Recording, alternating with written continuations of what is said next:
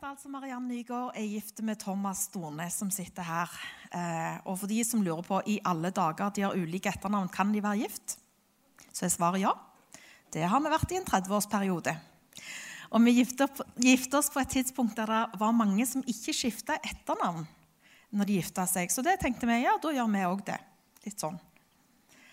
Og så Senere så reiste vi som misjonærer til eh, Barcelona og var der i noen år. Og Der er det faktisk sånn at alle ektepar har ulike etternavn. For hvis ikke så er, de søsken. Og Har vi lært noe av Abraham, så er det lurt å være tydelige på akkurat det. Ja, Så det syns vi er viktig. Vi har fire barn, bor på Sandnes. Eh, jeg jobber i Imi-kirka. Eller det vil si, jeg er eh, ansatt i AKTA, som er Imi kirka sin bibelskole, der jeg underviser om profeti. Og for de som tenker profeti var nå et veldig gammeldags begrep, så har de for så vidt rett i det. Men vi har ikke et, et annet ord som forklarer akkurat hva det betyr. Så det betyr jo å lytte til Gud, få et budskap fra Gud og gi det videre. Så det er det jeg jobber med sånn til daglig. Um, jeg har lyst til å si meg så hjertelig enig i betydningen av bibelskole. Så utrolig viktig. Vi heier på Link og er stolte av det som dere gjør. Det er flere anledninger der Akta får anledning, eller får stå sammen med, med, Link, og det setter vi veldig pris på. Så det er utrolig viktig. Og hvis du har en ungdom i huset eller er ungdom sjøl, så må du tenke gjennom det. Hva er det du vil ta med deg inn i ditt yrkesliv eller inn i studiene dine? Hva vil du ha investert inn i som gjør at du får vandre nær med Jesus? Og er du voksen og godt voksen, så er du så velkommen da òg. Akkurat likt. Ta gjerne kontakt med han som snakket om, med, om Link. ikke sant? Eller hvis du har lyst til å snakke med meg om bibelskole, så er jeg òg helt med på det. Um, og så vil jeg si Jeg lurer på om jeg skal begynne med den historien jeg, som gjorde at vi grein så gyselig her. fordi at nå tenker alle på det likevel. Så nå Ja, OK. Temaet i dag er altså 'Mens vi venter på et under'. Og En av de som virkelig venta på et under, det er Sara Elise, som skrev sangen 'Verdig'. Som var syk i mange år. Og midt oppi det så sa hun, 'Men Jesus, du skal få alt, faktisk.' Med alt som er i meg, vil jeg tilbe deg. Med absolutt alt. Jeg holder ikke tilbake min tilbedelse. Og det er det vi skal snakke om i dag. Hvordan ser det ut i livet vårt mens vi venter på et under? Mens vi venter på Guds inngripen? Det er i stor grad basert på det som jeg har jobba med de siste, de siste åra, som, som, er altså i denne boka her, mens vi venter på et under. Så skal jeg fortelle dere litt om vår historie som har gjort at vi har kommet her. Hvor mange var det som var her på bønneuka? Bare så jeg mm. Greit. Da må jeg gjenta bitte litt. Bær over med meg. Sønnen vår, yngstemann Adrian, han eh, så ut til å være helt frisk da. Oi sann, jeg er ikke innpå. Skulle vi hatt opp bildet, tenker du? Hadde det vært greit? Hvordan gjør vi det? Skal jeg koble meg av og på? Det var det ikke gjort, nei. Ta av ledningen og så sett den igjen.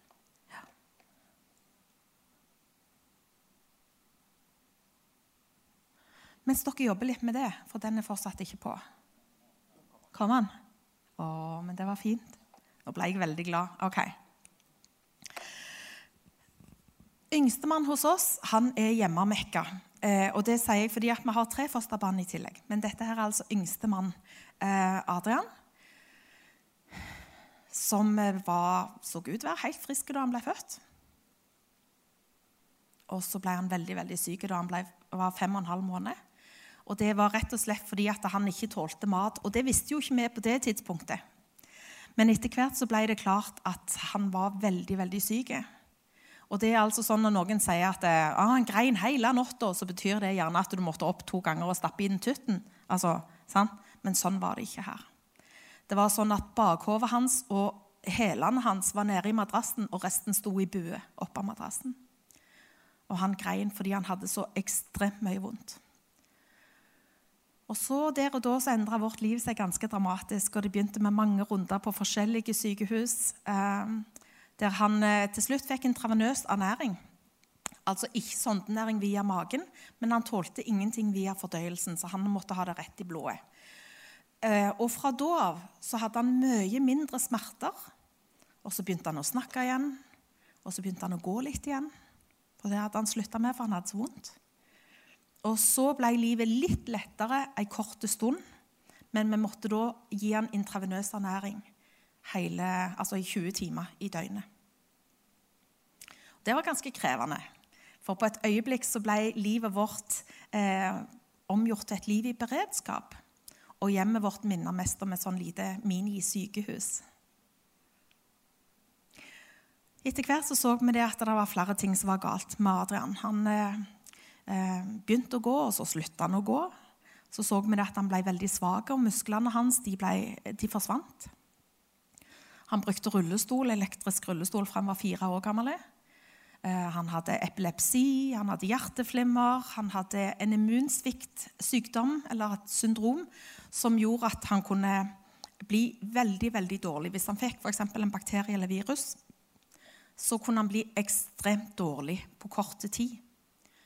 Det vil altså si at fra vi hørte bare en endring i pust, så kunne han være død nær på 15 minutter. Og vi bor på Sandnes, og da er det altså 14 minutter å kjøre til sykehuset. Men de gangene der så gjorde vi det på åtte, faktisk. Det var bare flat pedal og rett inn. Hadde ikke tid til å vente på noen, hadde ikke tid til å gå om akutten. Du måtte bare ta han i armene og springe til de legene som kjente han, og så visste du umiddelbart hva de skulle gjøre. Så uten å gå veldig mye inn i det, så hører dere på en måte at det har vært et ganske spesielt liv. Et liv i beredskap, et liv med en sønn som ble stadig dårligere. Og Da han var elleve år, så sa legene til oss at eh, Og da hadde vi samarbeida med dem siden han var baby at vi vet at dere har snakket om å, å, reise på en tur som familie for å samle minner til han er død. Nå er tida. For hvis han lever neste år, så kommer han ikke til å være i stand til å reise noen som helst plass. Så ba vi. Hvor skal vi reise? Hva skal vi gjøre? Det er ikke akkurat så du tar med den, altså et barn som han. Det er ikke liksom Disneyland eller strandferie. på en måte. Det går ikke an, faktisk. Vi lurte litt på hva skulle vi gjøre.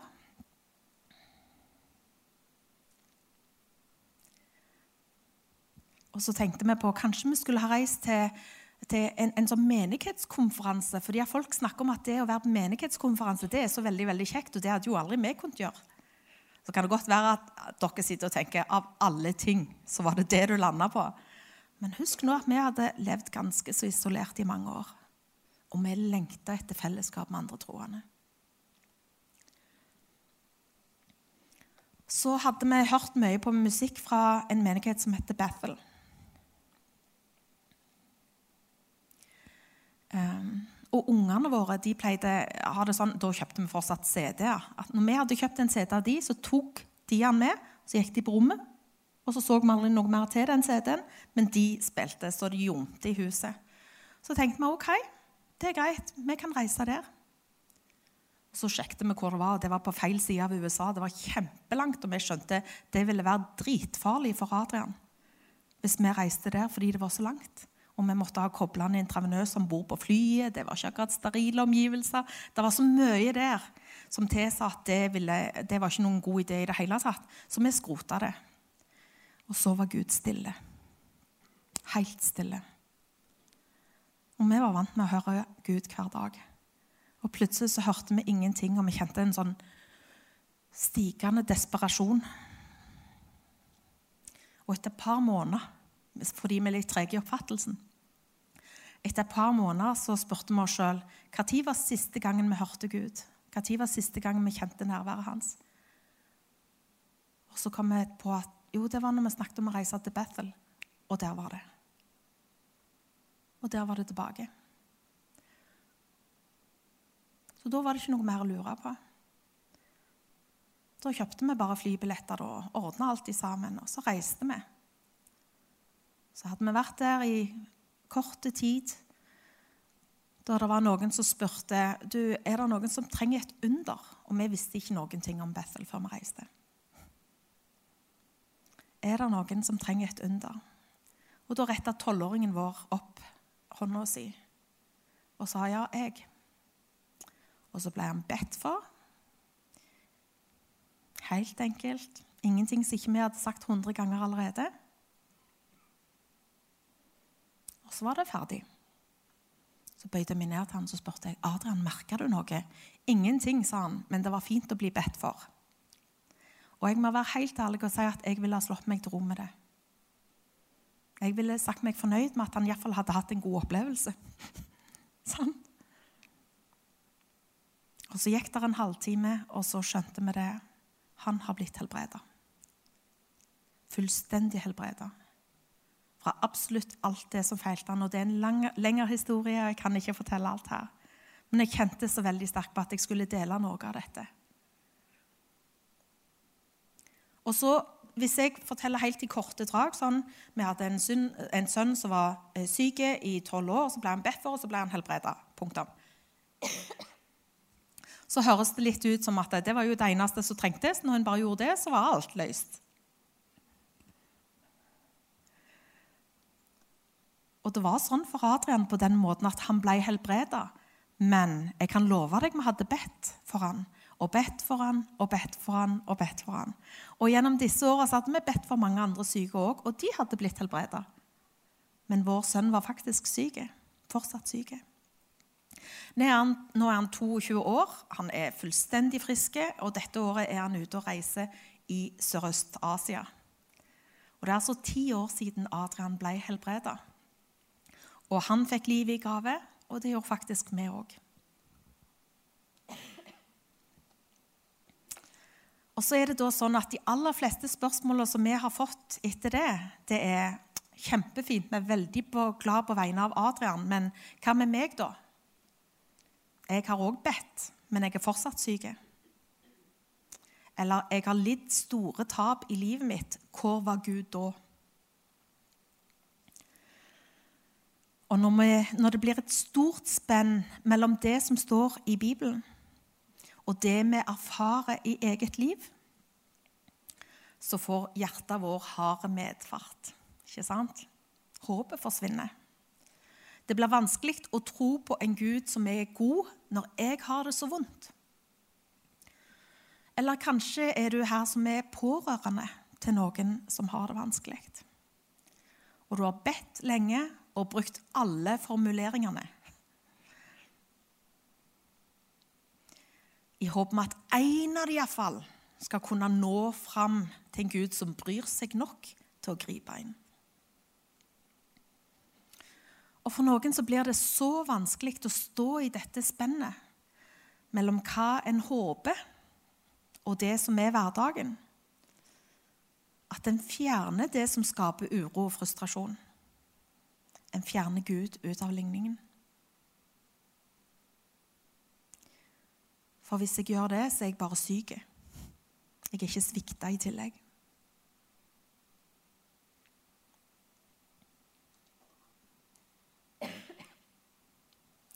Hvis det gjelder deg, eller noen av de som du er glad i, så har jeg altså skrevet denne boka for deg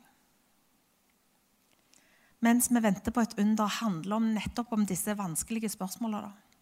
Sant? Det er ikke Jeg fikk spørsmål fra en journalist. da. Ja vel, Hvis en da leser den boka, er det et under på andre sida? Og, og, vet du hva? Jeg er sånn skrudd sammen jeg hadde så lyst til å si mm, bare for tull.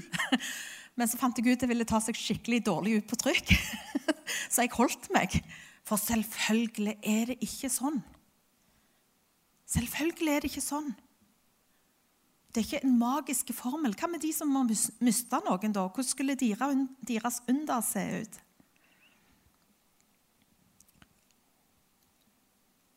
Men dette er en bok som handler om ventetida.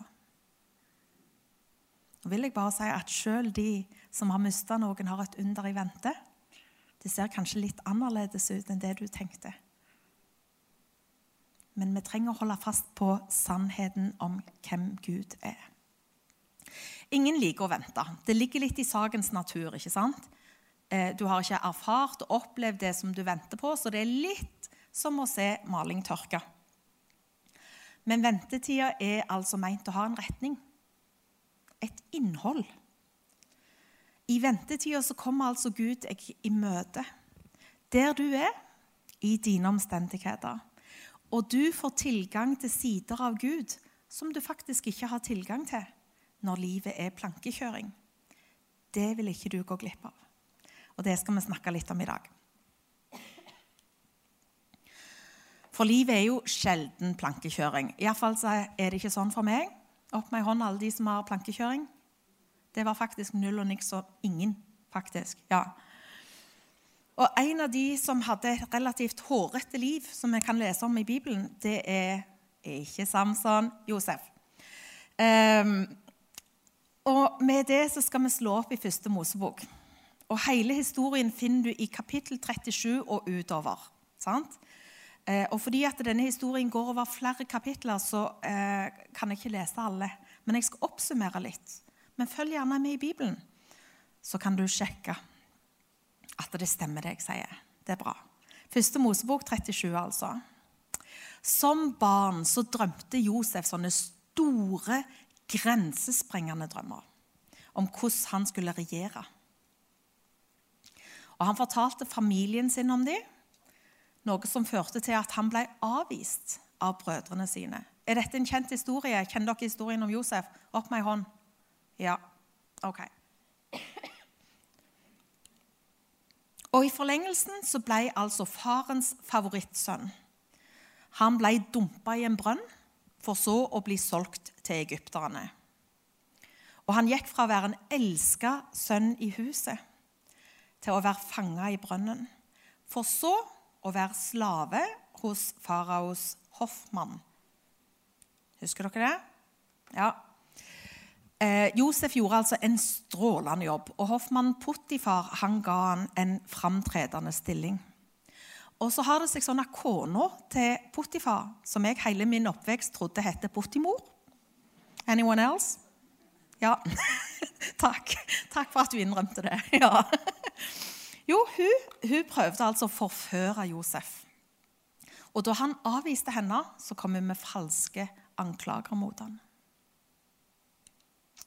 Og på et øyeblikk så gikk altså Pot nei, Josef fra å ha status i Potifars hus til å være fanga i fengsel. Det er noen sånne skifter her, merker dere de? Det er sånn opp, ned, opp, ned, opp, ned. ja. Men selv i fengsel så opptrådte Josef så eksemplarisk at fengselssjefen satte han til å styre fengselet. Så står det altså et snodig vers, og det må dere slå opp i. For det er første Mosebok 39, vers 23. For Herren var med Josef. For Herren lot alt det han gjorde, lykkes for ham. Første Mosebok 39, 23. Nå må vi stoppe et øyeblikk. For Josef er altså i fangenskap for tredje gang. Og Herren lar alt det han gjør, lykkes for ham. Hvis det var sant, så hadde han vel ikke vært i fengsel?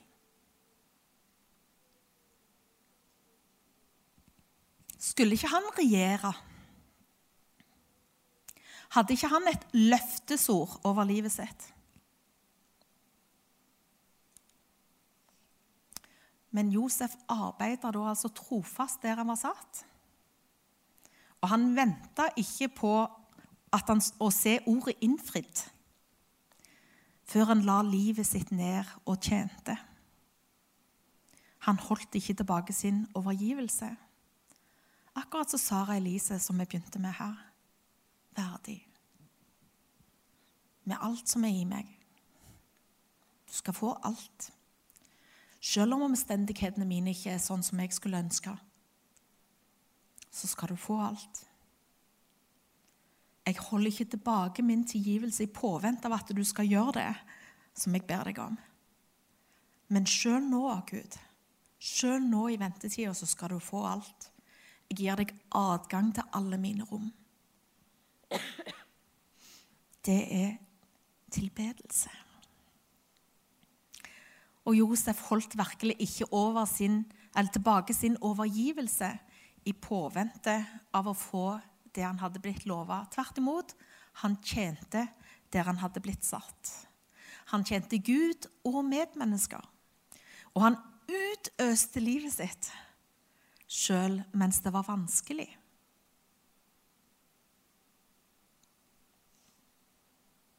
Sjøl når oppfyllelsen av løftesordet syntes langt vekke, så holdt han ikke tilbake sin tilbedelse.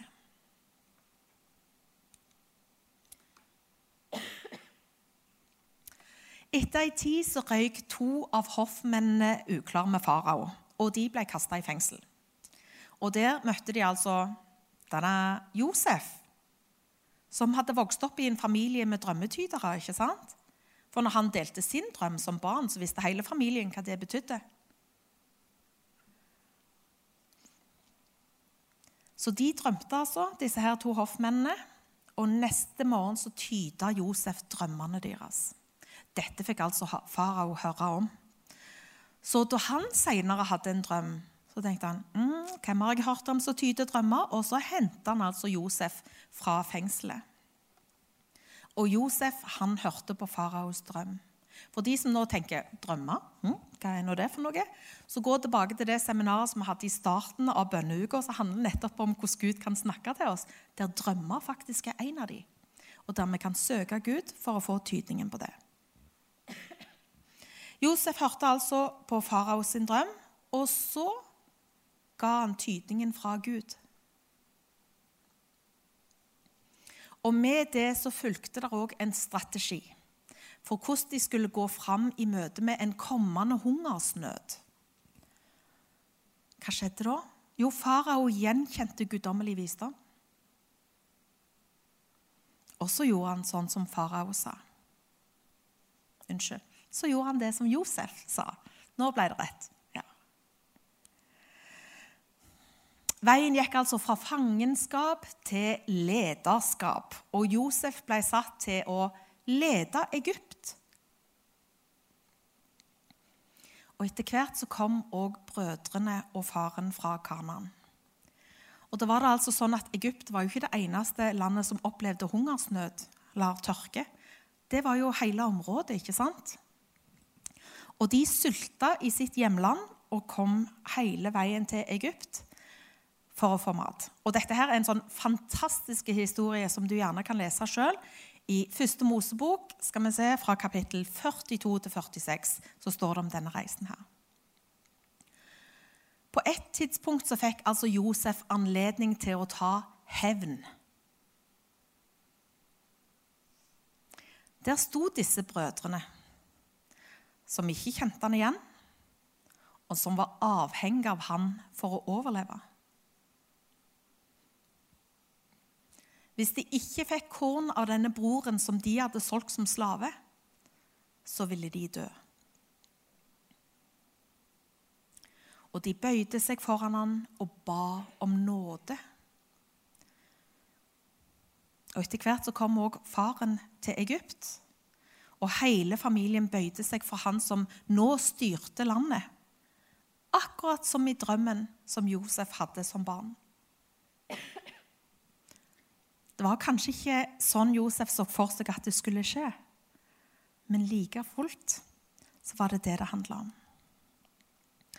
På samme måte som brødrene hadde tatt avgjørelser som la føringer for Josef sitt liv og framtida hans, så holdt han nå deres skjebne i sin hånd. Nå kunne han endelig få rettferdighet. Og så valgte han nåde. Han gjorde ikke mot de sånn som de fortjente.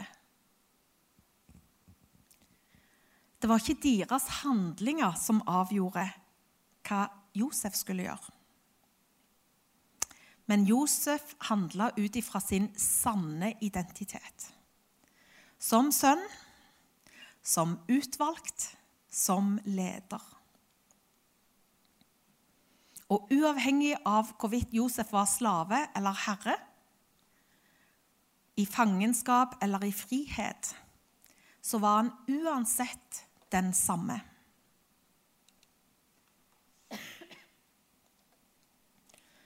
For Herren var med Josef. For Herren lot alt det han gjorde, lykkes for ham. Tro om det var sånn Josef følte seg.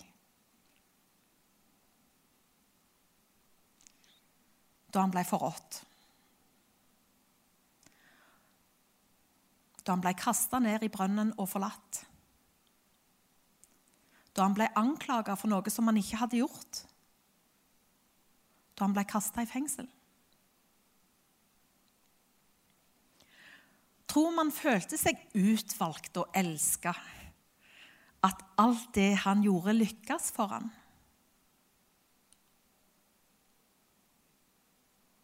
Tvilsomt, hæ? Men like fullt så var det sannheten om Josef. Han var ikke den som erfaringene, omstendighetene eller anklagene tilsa at han var.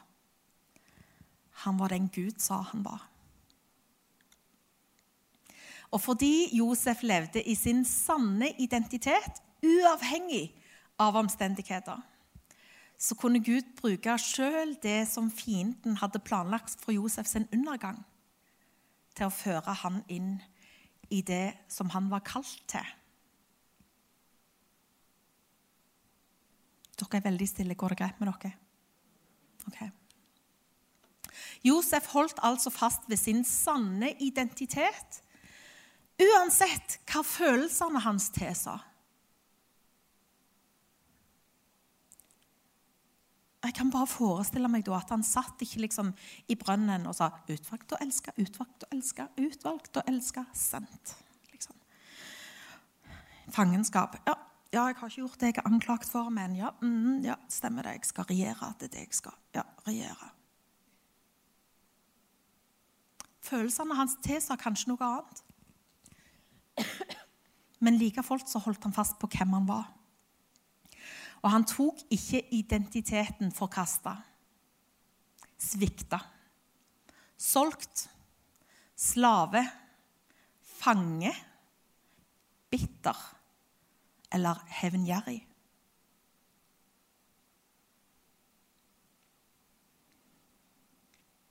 Alle disse omstendighetene som Josef var i, det avgjorde ikke hvem han var. For han holdt fast på hva som var Guds ord over livet hans. Hva som var hans sanne identitet, selv om følelsene kanskje tilsa noe annet. Selv om omstendighetene kanskje tilsa noe annet, eller anklagene. Så visste Josef hva som var Guds ord over livet hans, hva som var hans sanne identitet. Og det var at han var elska, ønska og utvalgt. Han satt ikke passivt og venta på at ordet over livet hans skulle innfris.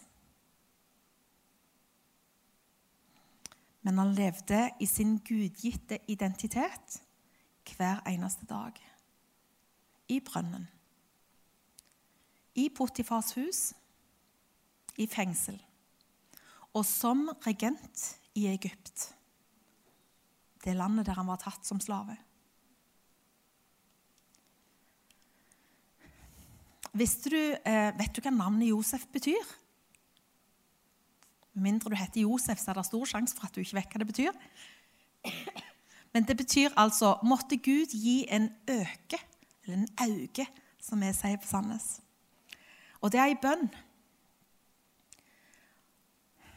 Måtte det bli mer av det som Gud hadde lagt ned i Josef sitt liv. Måtte Gud stadig bli æra gjennom livet hans måtte Potifars hus være velsigna fordi Josef var der. Og måtte Egypt ha framgang på grunn av Josef.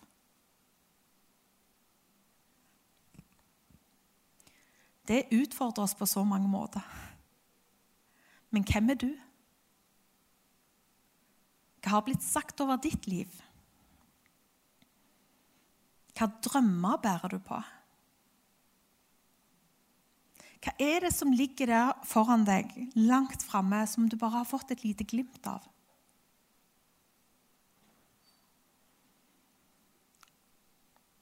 Hva er det som er i din historie, som Gud bruker for å forberede deg på det som ligger foran.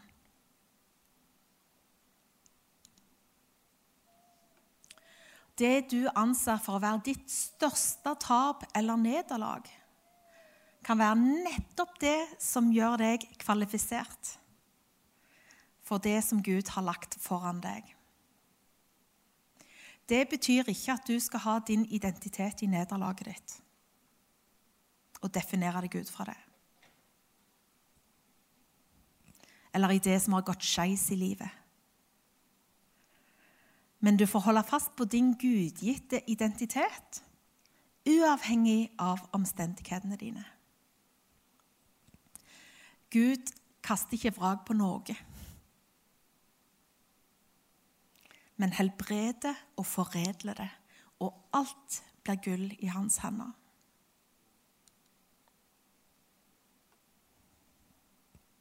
Så hva gjør vi da mens vi venter? Vi holder blikket festa på Jesus.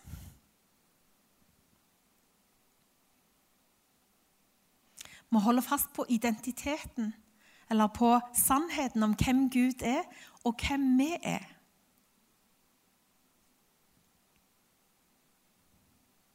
Vi faller ikke for fristelsen til å komme med enkle, ufullstendige svar fordi vi orker ikke leve med de ubesvarte. Det er så mange ganger vi kjenner at jeg, jeg orker ikke leve med ubesvarte spørsmål. Så det er lettere for meg å tro at Gud ikke helbreder lenger, faktisk, for da slipper jeg å bli skuffa. Eller det er lettere å tro at Gud er en, en dømmende, krevende, streng Gud som fordi det gikk skeis der og der i livet mitt, ja, så er jeg ikke lenger elska. Det er ikke sant. Ikke fall for fristelsen til å lande ned på et prematurt svar som er feil. Men gå til Bibelen. Finn ut hvem han er. Finn ut hvem han har sagt at du er. Lytt deg inn til rett kilde.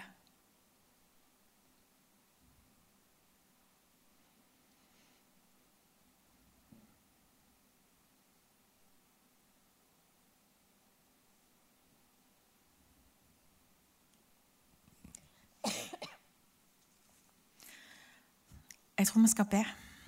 Jeg kjente um, Det er noen ting som jeg vil be inn i.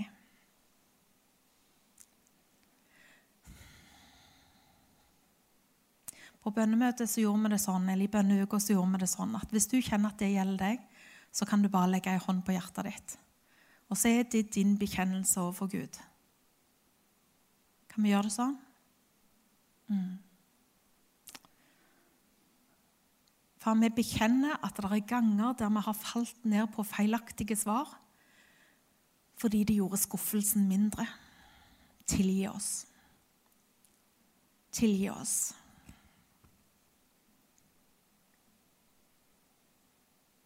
For vi bekjenner at vi har lytta til andre kilder som har presentert en sannhet som ikke stemmer, som, som handler om deg, vi har begynt å, um, tenke at du er krevende og vanskelig og ikke vil vårt beste. Tilgi oss. Du er god, og det du gjør, er godt.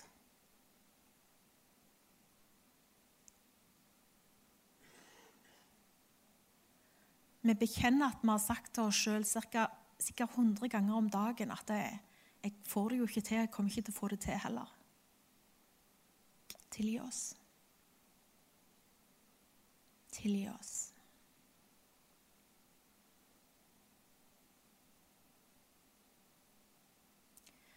Vi bekjenner at vi har holdt tilbake vår tilbedelse i påvente av at du skal gripe inn. Vil du jeg skal takke Gud, gi meg noe å takke for? Vil du jeg skal prise deg, ja, så gjør nå det som jeg har bedt deg om.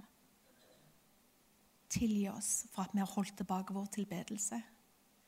Vi gir deg adgang til alle våre rom, og vi bekjenner at tilbedelsen i ventetida ser annerledes ut. Takk for at du tar imot hver eneste tåre. Takk for at du samler det på de flasker. Takk for at du er trofaste. Du er sein til vrede og rik på miskunn. Takker deg, far. Takker deg fordi at du er den du sier du er. Far, nå ber jeg for enhver her som er i ventetida, som venter på en guddommelig inngripen. Far, jeg ber om at du kommer til dem og rører ved dem, hver en. Enten det gjelder fysisk, psykisk, eh, emosjonelt, relasjonelt, jobbmessig, hva det er, far. Jeg ber om din guddommelige inngripen. Jeg takker deg, far, fordi det er vårt vitnesbyrd at du er en Gud som kommer nær, og du er en Gud som gjør under. Men du er òg en Gud som er nær, nær, nær i ventetida. For det er min bønn for alle de som sitter her, at de ikke skal gå glipp av hva du gjør i ventetida. Men at de skal få ta imot deg når du kommer med skatter som er skjult i mørket. For jeg velsigner de i Jesu navn. Amen.